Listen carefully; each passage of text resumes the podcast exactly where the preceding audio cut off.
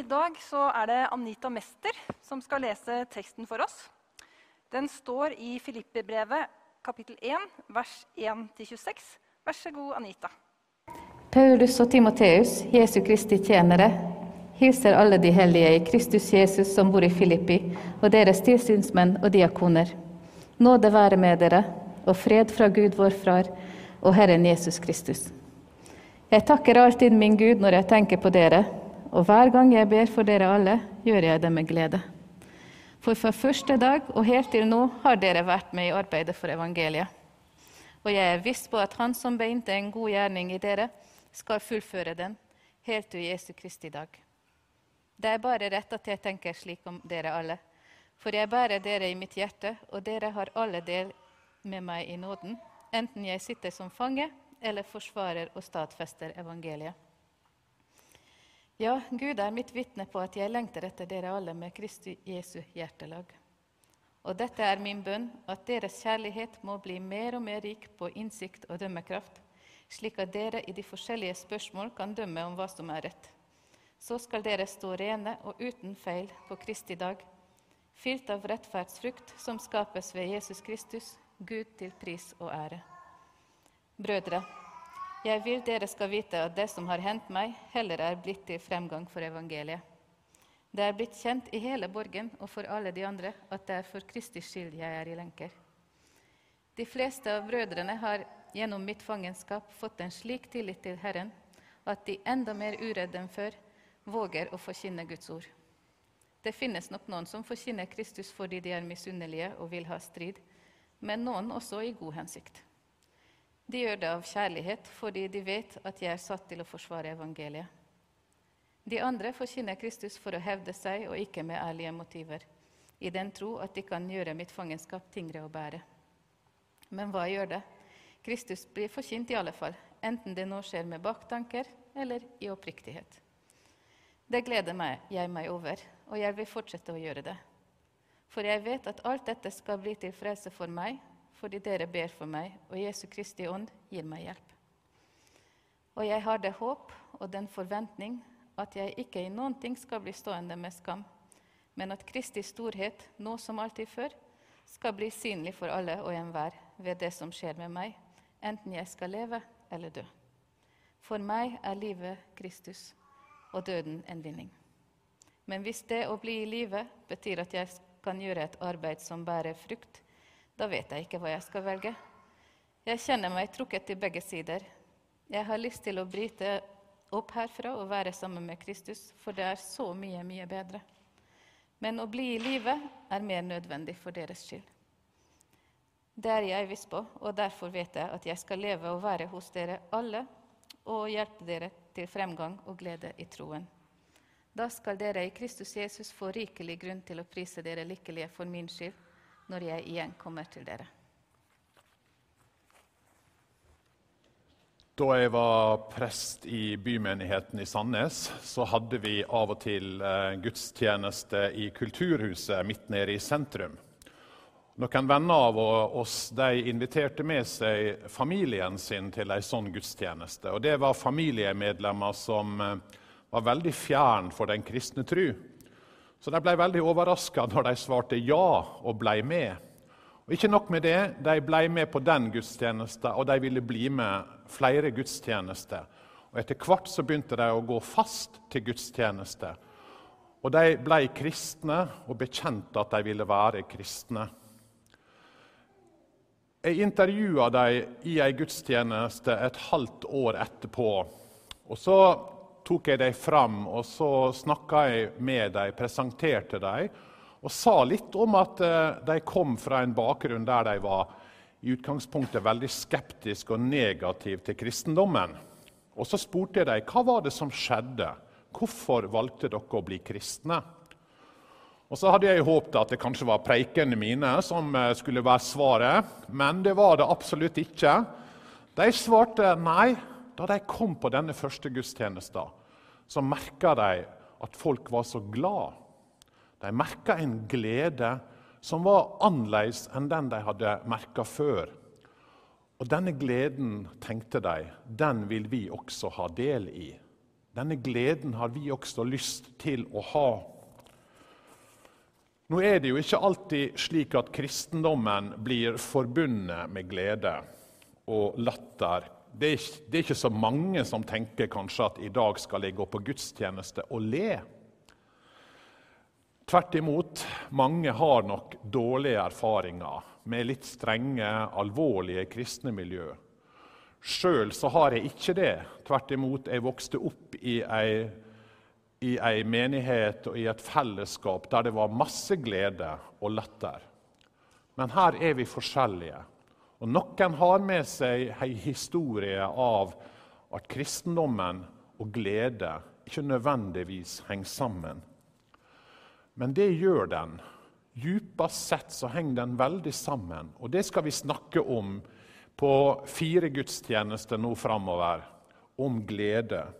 Og La meg begynne med å si at jeg tror Gud er den gladeste personen i universet.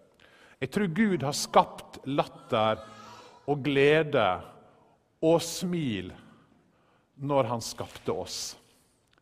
Når du ser en liten baby hva er den første reaksjonen du får fra denne babyen? Jo, hvis du smiler til henne, så smiler hun tilbake igjen. Forteller ikke det at vi er skapt til glede? Og Hvis vi er skapt i Guds bilde, ja, så er Gud også en Gud som er glad. En Gud som smiler, en Gud som ler. Ser vi for oss Jesus når han gikk rundt her på jorda, som kanskje en veldig alvorlig og seriøs person, klarer vi å se for oss det som jeg tror var virkeligheten, nemlig latter og glede rundt bålet når disiplene var sammen med Jesus om kvelden. Mange har et bilde av en litt alvorlig og streng Gud som kanskje i beste fall kan dra på smilebåndet, men ikke noe mer. Men min påstand er dette at Gud er den gladeste personen i universet. Og du forstår ikke Gud hvis du ikke skjønner hvor mye glede betyr for Gud.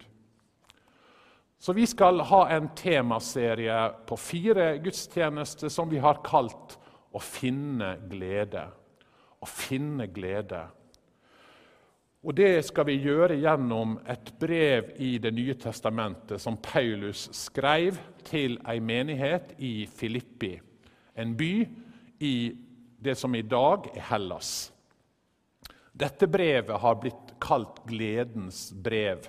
For hele 19 ganger bruker Paulus ordet 'glad' eller 'glede'. Ja, det er en som har sagt at overskrifta over dette brevet kunne like gjerne vært 'Jeg er glad' vær glade, dere også. Så sterkt fokus er det på glede i Filippa-brevet. På Paulus' sin tid var Filippi en stor by. Det var en by som eh, som sagt ligger i, eh, i Hellas, dagens Hellas, innerst i Egeerhavet. Og Paulus han kom jo dit eh, når han kom fra Lille Asia og Det var den første byen han kom til i Europa. Jeg har noen bilder av hvordan byen trolig så ut på Paulus sin tid. Det var som sagt en ganske stor by. I dag så er denne byen eh, bare noen ruiner. Den er delvis bare gravd ut, ikke sånn som den ser ut den gangen. Så når vi kommer dit i dag, så er det en del ruiner vi finner. Det som er best bevart i denne byen, det er teateret. Og denne byen er på Unescos verdensarvliste. Og til denne byen kom altså Paulus på sin andre misjonsreise. Og dermed kom evangeliet til Europa. Den første menighet som ble starta i Europa, det var menigheten i Filippi. Og Noen år seinere skriver Paulus til denne menigheten, som han da grunnla. Han skriver til disse kristne som kom til tru gjennom å høre evangeliet. Og når han skriver ja, så er han så glad. Han uttrykker det igjen og igjen. Og Kanskje tenker vi at ja vel, Paulus har vel blitt pensjonist nå, da. Gått av med AFP. Og nå sitter han på en fortausrestaurant i Italia og ser utover det blå Middelhavet og nyter livet. Ikke rart Paulus er glad. Men det er ikke situasjonen. Han sitter i fengsel. Han sitter i ei fangehule, eh, og han veit ikke om han blir dømt til døden eller ikke. Han veit ikke om han kommer til å bli drept. I tillegg så er han bekymra. Det merker vi på alle breva. Han er bekymra for de kristne. Vil de holde ut? Vil de bli bevart i trua? Og han har en sykdom som vi vet plager han hele livet. Så dette er situasjonen for Paulus. Så hvordan kan han være glad i denne situasjonen? Er det fordi at filipperne har det så fantastisk? Det er det ikke. Eh, det var ikke ei stor og flott menighet han skrev til. Det var heller ikke velstående personer som hadde det i overflod. Tvert imot, det vi vet om Filippi-menigheten, var at de trolig var ganske fattige. Og sjøl er han altså fengsla. Så hva er grunnen til Paulus' sin glede? Jo, det er det vi skal prøve å se på i fire, fire gudstjenester der vi skal snakke om dette brevet. Og I kapittel 1, som vi hørte lest her, så ser vi at Paulus han får sin glede i å tenke på det kristne fellesskapet, tenke på de andre kristne og be for dem. Han skriver, 'Jeg takker alltid min Gud når jeg tenker på dere', 'og alltid i alle mine bønner ber jeg for dere alle med glede'. For fra første dag og fram til nå har dere hatt del med meg i evangeliet. Når Paulus ber for sine kristne søsken, så kjenner han på en glede. Han gjør det med glede. Og Når vi tenker oss om, så tror jeg at vi aner at det å ha et fellesskap, å være i et fellesskap, ja, det gir grunn til glede. Tenk bare på en kveld du sitter rundt et godt måltid sammen med gode venner, deler livet. Du går hjem igjen og kjenner på en glede over fellesskap med andre. Vi har sagt før i gudstjenestene her, og jeg har sagt det i preikene mine, at jeg tror vi er skapt til fellesskap. Vi er skapt til fellesskap. Ikke et fellesskap som bare er sånn overfladisk 'hei på deg' og 'kjekt å se deg' og, og sånne ting, eller på Facebook, men et fellesskap som går djupere det er mange fellesskap og mange som tenker jo, jeg har jo bekjente og venner, men det er på en veldig overfladisk måte. Jeg hørte for mange år siden et innringingsprogram på radio. og Der var det en mann fra Hamarøy i Nordland som ringte inn. Og Så spør programlederen ja, Hamarøy, ja, er ikke det der han Horst Tappert, han som spiller i Derek For dere som er gamle nok til å huske det, så var Derek en tysk krim som gikk på fredagene. Og det var noe som alle så på. Jo da, han kjente Derek personlig, han, sa han. Å ja, sier programlederen, har du snakka med han? Nei, jeg har nå ikke snakka med han, sier han, men jeg har nå stått bak han i køa på handelslaget. Og så tenker jeg, ja, kjenner han personlig? Ja. Eh, men handler ikke fellesskap om noe mer? Og Det er iallfall tydelig at det fellesskapet Paulus tenker på i dette brevet, her, det er noe mer enn å ha glede over venner og bekjente. Der er ei glede i det kristne fellesskapet som er djupere. For det ordet Paulus bruker om dette fellesskapet, det er et ord som egentlig betyr partnerskap. Fra første dag har dere hatt et partnerskap med meg, sier han, i det å dele evangeliet. Og Hva ligger i dette ordet? Jo, det ligger at en investerer livet sammen. Det handler altså om noe mer enn en kaffekopp etter ei gudstjeneste. eller en bare en prat eller en hilsen på Facebook. Nei, ordet er mye djupere. Tenk deg at uh, Nils Petter, han som satt her og spilte, og jeg vi kjøpte en fiskebåt i lag. Vi investerte pengene våre i en fiskebåt. Vi er jo begge fra Vestlandet, og det er klart at uh, uh, fiske det har vi tru på. Så vi kjøper en båt i lag, og da har vi også en felles visjon. Vi har en felles drøm, vi har en felles plan. Vi har investert pengene våre, vi har investert oss sjøl i noe, og vi vil ha mye fisk. Vi vil oppnå noe. Nils Petter og jeg kan være venner, men djupere enn om vi er venner, så handler det om en visjon vi deler, et mål vi har, som gjør at vi ikke kan stikke av fra dette partnerskapet om vi en dag er litt sur eller lei. Vi forplikter oss sammen. Og Det er dette ordet Paulus bruker om det forholdet han har til de kristne i Filippi. Det er et partnerskap. Vi står skulder til skulder, sier Paulus, i det å bringe evangeliet ut. Og det gir en glede.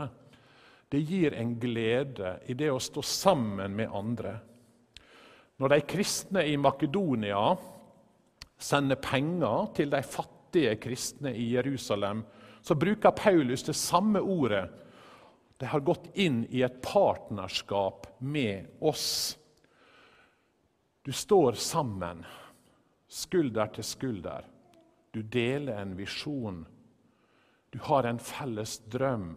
Du har et felles mål å bringe evangeliet om Jesus ut til alle mennesker. Så når Paulus takker og er glad for de kristne i Filippi, ja, så handler det om at de står sammen med han i denne tjenesten. De holder ut, de ber for Paulus, de sender han penger. Alt vitner om deres forpliktelse til å spre evangeliet. Og dermed takker Paulus for dem. Han takker for dem med glede, fordi de står sammen, skulder ved skulder, i den tjenesten. Og han gleder seg over at Gud skal fortsette dette arbeidet om han får leve, eller om han må dø, det er ikke så viktig for Paulus, tydeligvis. For meg er livet Kristus og døden en vinning, skriver han i dette avsnittet. Men Paulus er viss på, og han gleder seg over, at dette arbeidet, denne tjenesten, skal fortsette også om han får leve eller dø. I vers 6 så skriver han, og jeg er trygg på at han som begynte sin gode gjerning, i dere, skal fullføre den helt til Jesu Kristi dag. Og Det gir han ei stor og djup glede. Paulus gleder seg over at trua deres held, og at trua deres fører til at de står sammen i det å bringe evangeliet ut. For det er mange som begynner å bekjenne Jesus, men som ikke holder ut. Men Paulus han gleder seg over at disse kristne vennene hans i Filippi står sammen med han, at den gjerninga Gud har begynt, den skal Gud fullføre. Og Derfor sier Paulus når jeg ber for dere, så ber jeg alltid med glede. Det fellesskapet gir Paulus ei djup glede, sjøl om de ytre omstendighetene er så vanskelige.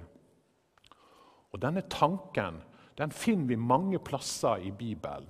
Ei glede over å se at andre kristne vokser i trua. At de blir bevart i trua. At de står fram og vitner om Jesus. Og Jeg tenker sjøl hvor mange ganger jeg har kjent på ei glede når jeg møter kristne igjen som ikke jeg har sett på mange år Kanskje noen som jeg har leda til Jesus, og som har blitt kristne. Og Så møter jeg dem igjen, og så ser jeg jo de har vokst i trua. De bekjenner fortsatt Jesus. Det gir en enorm glede. Slik som evangelisten Johannes også skriver i sitt tredje brev i vers 4. Ikke noe gleder meg mer enn å høre at mine barn lever i sannheten, skriver han.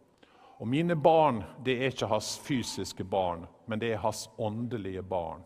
Ikke noe gleder meg mer enn å høre at dere lever i sannheten. At dere følger Jesus, at dere vil være hans disipler.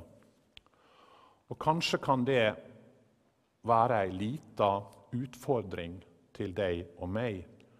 Hva gir oss glede? Er det personlig suksess? Er det materielle gode? Er det at barna våre gjør det godt på skolen? Jeg har ikke noe større glede, skrev Johannes, enn å se at mine søsken i trua vandrer i sannheten, følger Jesus, vil dele evangeliet. Og Paulus reflekterer det samme. Det er rett å føle sånn, sier han. Jeg gleder meg sjøl om jeg er i lenke, og jeg gleder meg og jeg lengter etter dere. I vers 1 i kapittel 4 skriver han Derfor, mine søsken, som jeg elsker og lengter etter, min glede og min seierskrans, stå fast i Herren, mine kjære. Paulus sine søsken, de andre kristne, er hans glede. Og det at de står fast, at de holder ut, at de står sammen med han i å bringe evangeliet ut, det binder de sammen til tross for ytre motgang og prøvelser. Og her er ei djup sannhet. Hva binder oss sammen som kristne? Ja, vi er utrolig forskjellige. Har du lagt merke til det? Forskjellig interesse. Noen holder med Rosenborg, og andre holder med Molde. Vi kommer fra forskjellige kulturer, vi har forskjellige aldre, vi har ulike interesser, vi liker forskjellige ting. Så hva knytter oss sammen? Jo, sier Paulus, det er bare én ting som kan knytte så forskjellige mennesker sammen. Det er evangeliet. Jesus er han som kan knytte oss sammen. På tvers av alle grenser, på tvers av rase, på tvers av språk og kultur. Og det er interessant at når Paulus kommer til Filippi, hvem er de tre første personene som blir kristne i Filippi? Jo, Den første er Lydia, ei velstående jødisk dame. Det står i kapittel 16 Herren åpnet hennes hjerte, så hun ga akt på det som ble talt av Paulus. Så åpnet hun sin hjem for Paulus og for evangeliet. Lydia, ei rik jødisk kvinne. Den andre som blir kristen, det er ei fattig slavejente. Den tredje det var en romersk fengselsoffiser. Og Det er nok vanskelig å tenke seg ei mer forskjellig gruppe mennesker enn disse tre første her. Hva slags nasjonalitet hørte de til? Jo, Lydia var asiat, antagelig fra Lille Asia, det som i dag er Tyrkia. Denne slavejenta var gresk eller antagelig fra Nord-Afrika. Denne fengselsoffiseren han var romer, fordi det var romerske offiserer som ble fengselsoffiserer i den romerske kulturen, i den romerske eh, området. Tre ulike nasjoner, tre helt forskjellige kulturer. Og Sosialt sett så var de jo utrolig forskjellige. Lydia var velstående, hun var rik. Hun hadde plass til fire misjonærer.